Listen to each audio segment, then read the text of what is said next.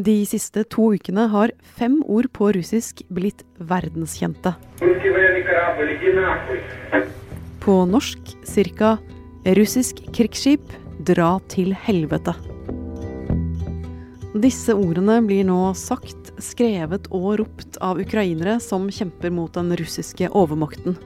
Også langt inn på land og milevis unna russiske krigsskip. For de som forsvarer landet sitt, trenger, blant mye annet, heltemot og humor. Hvordan finner de fram til det? Du hører Forklart fra Aftenposten. Jeg heter Marte Spurkland. Det er torsdag 10. mars.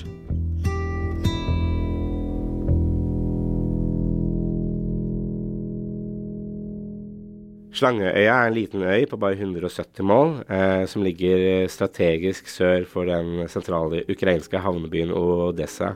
Gunnar Thornfeldt er journalist her i Aftenposten, og en av de som kan mye om ukrainsk historie og kultur. Siden krigen brøt ut for to uker siden, har han sittet oppe mange netter og snakket med venner og kjente i Ukraina. Slangeøya er en ekstremt eh, strategisk viktig øy. Fordi at eh, man antar at det er veldig store olje- og gassforekomster i nærheten av øya, i havet. 24.2 så kommer det en overveldende militærmakt til eh, sjøs mot øya. Bl.a. det russiske krigsskipet Moskva. Og de eh, kontakter da disse ukrainske grensevaktene via sambandet. Og de har en klar beskjed til de som er der. De sier dette er et russisk krigsskip. Vi foreslår at dere legger ned våpnene deres og overgir dere. Og da svarer de ukrainske grensevaktene russisk krigsskip, dra til helvete. Tross de ukrainske grensevaktenes heltemot regnet jo de fleste med at 13 mann ville ha liten eller ingen sjanse mot et stort russisk krigsskip. Og først ble det meldt at alle grensevaktene hadde dødd som helter i kamp for Ukraina. Men så, seks dager senere, kom nyheten om at de likevel var i live. 1.3 bekreftet den ukrainske marinen på en post på Facebook at de ukrainske grensevaktene ikke var døde, men at de var tatt til fange av den russiske hæren. Men opptaket av grensevaktenes svar, altså 'russisk skip dra til helvete' det har levd videre. Eh, hva er det som har skjedd der? Etter at uh, dette opptaket ble delt, så har dette blitt et uh, slagord for ukrainere over hele verden.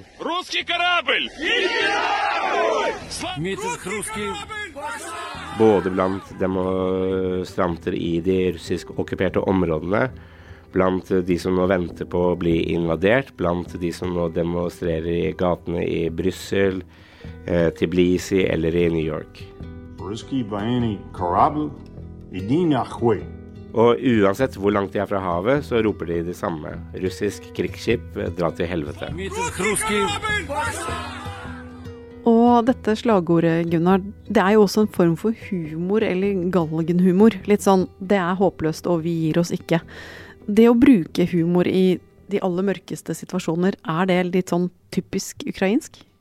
Jeg vil jo si at det er typisk eh, russisk og ukrainsk. Eh, og det viser kanskje nettopp hvor, hvor sterk den felles historien er. da, At du har f.eks. de største ukrainske forfatterne, f.eks. For Gogol og Bulgakov, også blir regnet blant de største russiske forfatterne. Og i tillegg kommer et maleri som er viktig både i russisk og ukrainsk kunsthistorie. Det er malt av den ukrainsk-russiske kunstneren Ilja Repin, og viser hvordan ukrainske kosakker på 1600-tallet svarte den tyrkiske sultanen som hadde bedt dem om å underkaste seg det osmanske riket. Kosakkene forfattet et langt brev til sultanen, som inneholdt utelukkende banneord og fornærmelser. Og der eh, skriver de f.eks.: Din tyrkiske satan hva slags helvetesridder er vel du, som ikke engang kan drepe et pinnsvin med din nakne rumpe? Vi frykter ikke din hær, og til lands og til sjøs skal vi slåss mot deg, knull din mor. Nå skriver og roper ukrainerne nye frekke beskjeder, denne gangen til president Vladimir Putin. I byer som Kharkiv, Kherson og Mariupol er slagordet nå 'Russisk krigsskip, dra til helvete'. De samme fem ordene er også blitt brukt i en rekke nye sanger som deles på YouTube, Spotify og Telegram.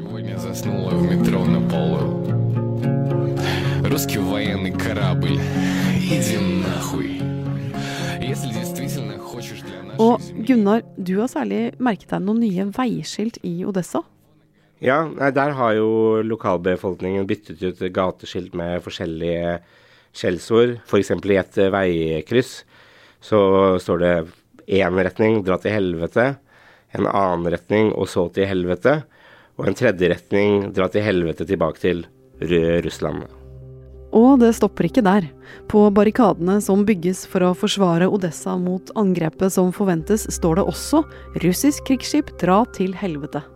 Utenfor russiske ambassader verden over roper demonstranter det samme, og nå foreslår ukrainske myndigheter visstnok også på spøk eller alvor og lage frimerker med skjellsord. Gunnar, hva betyr denne humoren eller dissinga av russerne for den ukrainske kampmoralen? Man kan jo håpe at det bidrar til å holde motet oppe. Nå er det vel ikke på en måte unikt for ukrainerne å ha en, en galgenhumor i en såpass desperat situasjon. For litt siden så snakket jeg også med en kjent eh, oversetter og poet fra Odessa, Igor Losinski. Og han sier at dette slagordet på mange måter oppsummerer ukrainernes posisjon akkurat nå. De vil slåss. Ja, for akkurat det at man tør å le av Putin, det ligger en type kraft bare i det? Ja, det gjør jo det. Og han på det sier jo nettopp det at eh, det viser at de ikke er redde for Putin. Og det er hele hemmeligheten. Og at det er latter som på en måte gjør et menneske fri, da. Tror du de som er nødt til å krige, blir modigere også av å ha denne type humor? Det kan vel være det, eh, og man kan jo håpe det i hvert fall. Jeg er også veldig påpasselig på at man ikke skal romantisere en på en måte krigssituasjon. Krig er jo først og fremst eh, skittent, jævlig, illuktende, grusomt og forferdelig. Og det er jo klart at det, eh, er jo lett å på en måte ty til romantiske fortellinger når man er i en krig, og at man lager helter og store historier, men det viser jo kanskje enda mer en grad av menneskelighet og et ønske om, om, å bevare den menneskeligheten i en så forferdelig situasjon. Ja, for akkurat nå flykter millioner av mennesker over grensa ut av Ukraina. Samtidig er det en stor gruppe som ikke kan dra. Menn mellom 18 og 60 må bli igjen og kjempe. Og blant de som er der dette er Russland i Odessa.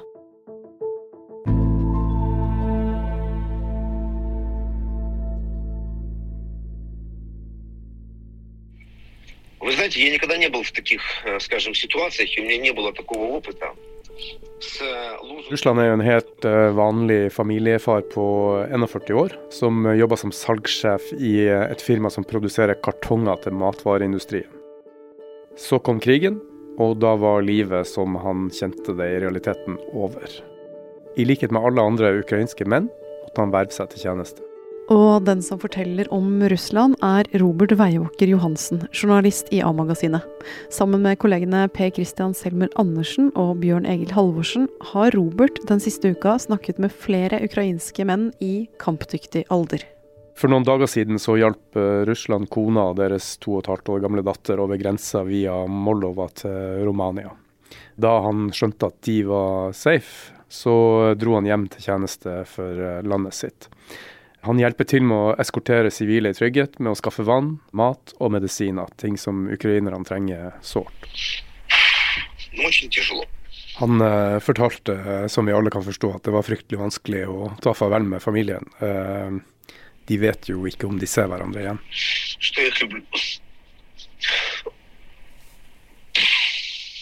Robert, du og kollegene dine ringte jo disse ukrainske mennene her fra Oslo forrige uke. Hvordan var det å snakke med dem? Det blir jo veldig spesielt. Det er en uh, helt fin uh, søndag i Oslo i, i mars. Uh, WhatsApp-linja mellom oss er krisp og klar. Uh, og jeg spør uh, dramalæreren Satsko Sarsko hvordan han har det, og han spør meg hvordan har du det. Det hele føles jo nærmest litt sånn skamfullt. jeg kommer fra en nydelig skitur med blå himmel og bolle på i stue, mens han kan ikke nærme seg hjemmet sitt. Han må bære rundt på en kalasjnikov han aldri har bedt om, eh, mens han går rundt og savner alle ungene som han underviste som dramalærer da det ikke var krig, bare for kort tid siden. Inntil for to uker siden hadde mennene Robert og kollegene hans snakket med helt vanlige liv og yrker. En salgssjef, en kornbonde, en selger, en student og altså en dramalærer.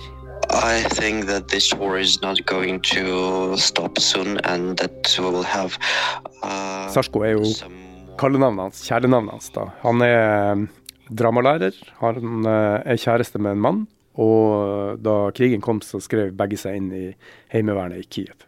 Eh, og hva er oppgaven deres der, da? De er heldigvis havna, havna i samme enhet, og oppgaven deres er patruljering. Sarsko, som jo ikke har noe erfaring med militæret fra før, hadde håpa at de skulle få noe annet. Eh, kjøkkentjeneste eller eh, hjelpe til eh, med sanitet eller noe sånt. Men eh, sånn gikk det ikke. the, the weird and everything that was going on was very strange to me but now it seems like okay so this is our new reality so Du kan forestille deg sjøl, Martin. Den ene dagen så eh, sitter du her i studio og jobber, og aner fred og ingen fare. Og den neste så sitter du i en eller annen bunkers med en kalasjnikov, et våpen du aldri har holdt i før. Og sjansen for at du må bruke den er ganske stor. Det forteller Sarsko på telefon til Robert, altså. Og han setter også ord på den kampånden som holder ham og kjæresten gående i forsvaret av Kyiv. we are as united as we have never been and all the men women are very decisive very alert and uh, ready to fight and win I Norge har vi allmenn verneplikt. Vil si at både menn og kvinner er vernepliktige fra det året vi fyller 19 til året vi fyller 44. Men i krig, eller når krig truer, kan konge og regjering bestemme at verneplikten skal utvides, og at flere må kalles inn for å forsvare landet. Den ukrainske hæren skal angivelig telle rundt én million soldater, inkludert reserver, heimevern og militser. I tillegg kommer alle våpenføre menn mellom 18 og 60. Og Robert, disse tallene her har jo dere fra en forsker ved Institutt for forsvarsstudier. Hvordan beskriver han ellers forsvaret av Ukraina? Nei, Han uh, sier jo at dette er, er historisk. Uh, det er en beordring vi ikke har sett maken til i Europa siden andre verdenskrig. Forskeren vi uh, snakker med, kaller det rett og slett for en væpna dugnad. Og det er jo ikke bare menn som er med på denne dugnaden. Eh, jeg leste forleden at eh, 17% av denne hæren består av eh, kampklare kvinner. Også. Den kampånden som vises fram nå, legger den også et press på ukrainerne? Ja, det er klart det gjør det. det. Dette er jo ikke en lek. Og det blir jo litt sånn uh, tabloid sagt, enten så er du med eller så er du imot. Det er ikke veldig populært uh, hvis du flykter, og spesielt hvis du er mann og i kampdyktig alder. Vi snakka med en student som hadde kommet seg over grensa rett før krigen brøt ut. Han, han ante hva som var på vei, og han har fått uh, mye uh, stygge kommentarer etterpå. For dette er jo en situasjon der det forventes at du skal være igjen og gi alt for, for landet ditt. Så uh, de får jo stempel på seg som forrædere. De blir hengt ut på sosiale medier. De, ja, de blir jo rett og slett tatt ganske hardt for dette. Mange som tar opp våpnene nå i Ukraina, mangler trening. Ikke bare i å kjempe, men i å takle det psykiske presset som en krig er.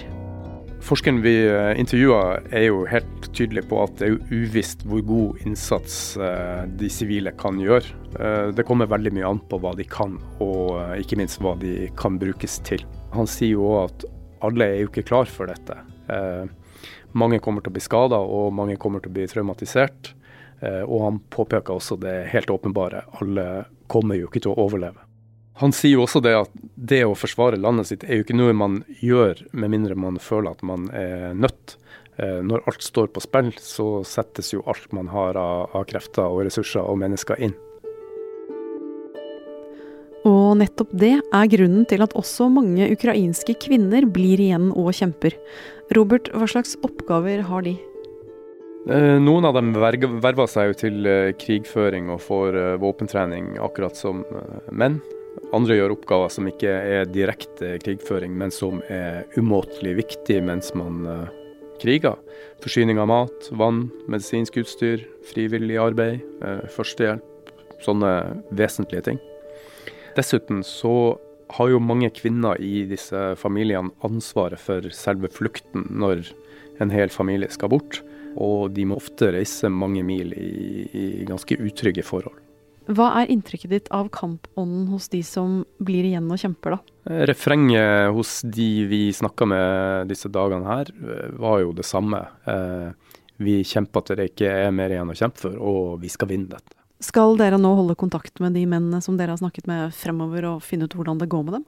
Det vil være naturlig, både, på, både journalistisk og, og, menneskelig, tenker jeg. Jeg, jeg teksta på WhatsApp med Sarsko i går bare for å spørre om ting sto bra til, og da svarte han Hi, Robert. We are alive. Really grateful for support and for telling the world about Russian war in Ukraine. Og da, ja Da tenker man jo at det skulle bare mangle.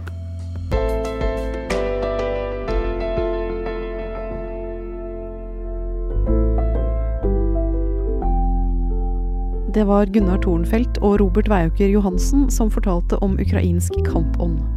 Per Christian Selmer Andersen og Bjørn Egil Halvorsen var Roberts makkere i saken de skrev om ukrainske krigere.